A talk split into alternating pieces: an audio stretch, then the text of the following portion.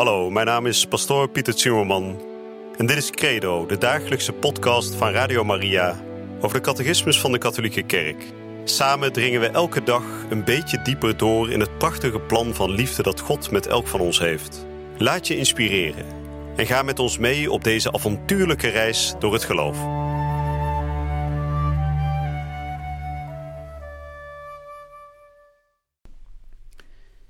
Vrienden, welkom terug bij een nieuwe uitzending van de podcast Credo. Vandaag gaan we verder over het thema van de mens, waar we de afgelopen dagen ook over gesproken hebben. We hebben in de vorige uitzending gesproken over de mens als beeld van God en meer bepaald nog de mens als man en vrouw. De mens heeft um, zijn geslachtelijkheid van God gekregen, God heeft dat zo gewild. En doordat de mens is gemaakt als man en vrouw, kan de mens gemeenschap vormen. En uit die gemeenschap komt natuurlijk nieuw leven voort en komt de grote gemeenschap van alle mensen wereldwijd voort. Maar we gaan nu eerst eens kijken naar de oorsprong van de mens.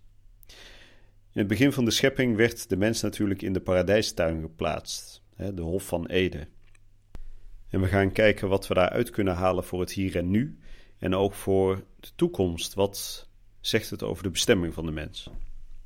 Nou, zoals gebruikelijk zullen we, voordat we dadelijk de nummers gaan lezen, eerst weer gaan bidden. En ik zal na het gebed de nummers gaan lezen 374 tot en met 379.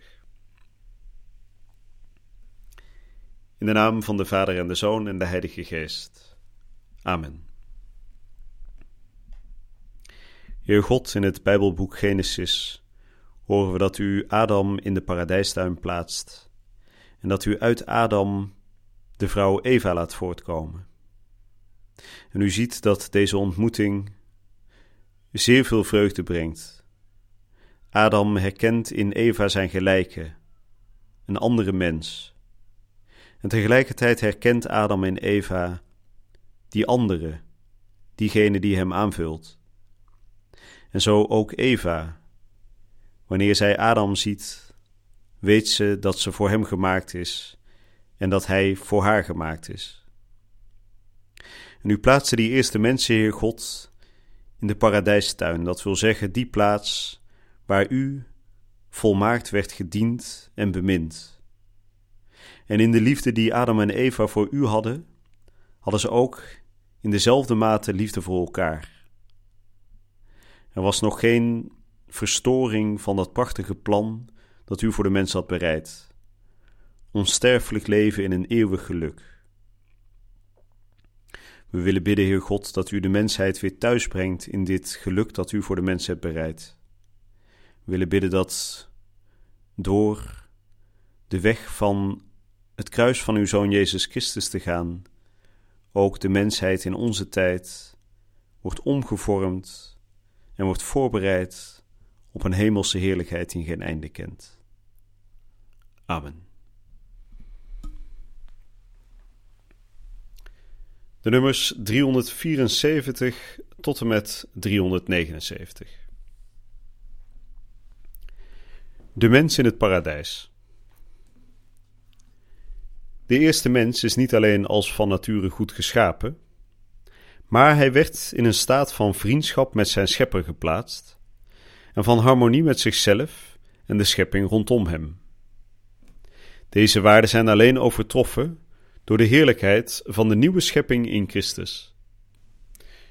Wanneer de kerk op authentieke wijze de symboliek van de taal van de Bijbel in het licht van het Nieuwe Testament en de overlevering uitlegt, leert zij dat onze eerste ouders, Adam en Eva, in een staat van oorspronkelijke heiligheid en gerechtigheid gesteld waren. Deze genade van oorspronkelijke heiligheid was een deel hebben aan het goddelijk leven. Door de uitstraling van deze genade werd het leven van de mens in al zijn dimensies gesterkt. Zolang de mens een innig contact met God bleef houden, hoefde hij nog te sterven, nog te lijden. De innerlijke harmonie nu van de menselijke persoon, de harmonie tussen man en vrouw, de harmonie tenslotte tussen het eerste mensenpaar en heel de schepping, was de staat die oorspronkelijke gerechtigheid genoemd wordt. Het heersen over de wereld, dat God de mens vanaf het begin toegestaan had, kwam vooral bij de mens zelf tot stand als beheersing van zichzelf. De mens was ongerept en geordend in heel zijn wezen. Omdat hij, omdat hij vrij was van de drievoudige begeerte, die hem onderwerpt aan het begeren van het vlees, aan de begeerte naar aardse goederen en aan de zelfbevestiging tegen hetgeen het verstand voorschrijft in. Als teken van de vertrouwelijke omgang met God plaatste God hem in de tuin van Eden. De mens leeft er om de grond te bewerken en te beheren. Het werk is geen moeizame inspanning, maar een samenwerking van de man en de vrouw met God bij de vervolmaking van de zichtbare schepping. Het is heel deze harmonie van de oorspronkelijke gerechtigheid, in Gods helsplan voor de mens voorzien, die door de zonde van onze stamouders verloren zal gaan. Nou, dat was nummer 379, het laatste stukje van de nummers van vandaag. Nou, we hebben net gehoord over de mens in het paradijs. En we horen dat in die paradijstuin Adam en Eva volmaakt gelukkig waren met hun schepper. Er was nog geen zonde begaan. De zonde was nog niet in de wereld gekomen. Dus de mens die bezat nog zijn oorspronkelijke heiligheid en gerechtigheid. En zoals de catechismus net vertelde, die oorspronkelijke heiligheid was een deel hebben aan het goddelijk leven. Dus de hele communicatie tussen God en dat, die eerste twee mensen, die was nog volmaakt zuiver en niet verstoord. Dus de mens die liep daar in een volmaakte staat van heiligheid en in die zin dus ook een volmaakte staat van geluk. En die harmonie die tussen de mensen en de schepper heerste op dat moment, die vertekende zich ook, of die vertaalde zich ook, kan ik beter zeggen, in de harmonie tussen elkaar, dus tussen Adam en Eva, en tussen Adam en Eva en de schepping. dus ook Adam en Eva waren in volmaakte harmonie met hun omgeving, met alles wat er aan hen gegeven was om over te heersen. En dan zegt de catechismus, en dat vind ik een hele mooie, wijze opmerking zou je kunnen zeggen, dat die beheersing die God aan de mens gaf over de schepping, de mens was in staat om die schepping aan zich te onderwerpen, dat die begon bij een beheersing over zichzelf. Dus dat ze hun eigen begeerte konden beheersen. We zien natuurlijk dat dat in de zondeval fout loopt, dus dat ze hun begeerte niet kunnen beheersen. En dan wordt er gesproken over een drievoudige begeerte. dus een drievoudige begeerte wil zeggen dat er drie eh, takken zijn van begeerte waar aan de mens, ehm, eh, waar de mens voor kan vallen. Nou, dan wordt er gesproken over het begeren van het vlees, het begeren van aardse goederen en aan de zelfbevestiging tegen hetgeen het verstand voorschrijft in. Een ingewikkelde zin, die laatste. Het begeren van het vlees, dat zullen we begrijpen waarschijnlijk. Hè? Begeerte van aardse goederen ook. Maar die laatste, hè, zelfbevestiging tegen hetgeen het verstand voorschrijft in. Dat is eigenlijk een andere een, een omschrijving voor de hoogmoed. Zelfbevestiging, dus op het moment dat wij een bepaalde gedachte hebben.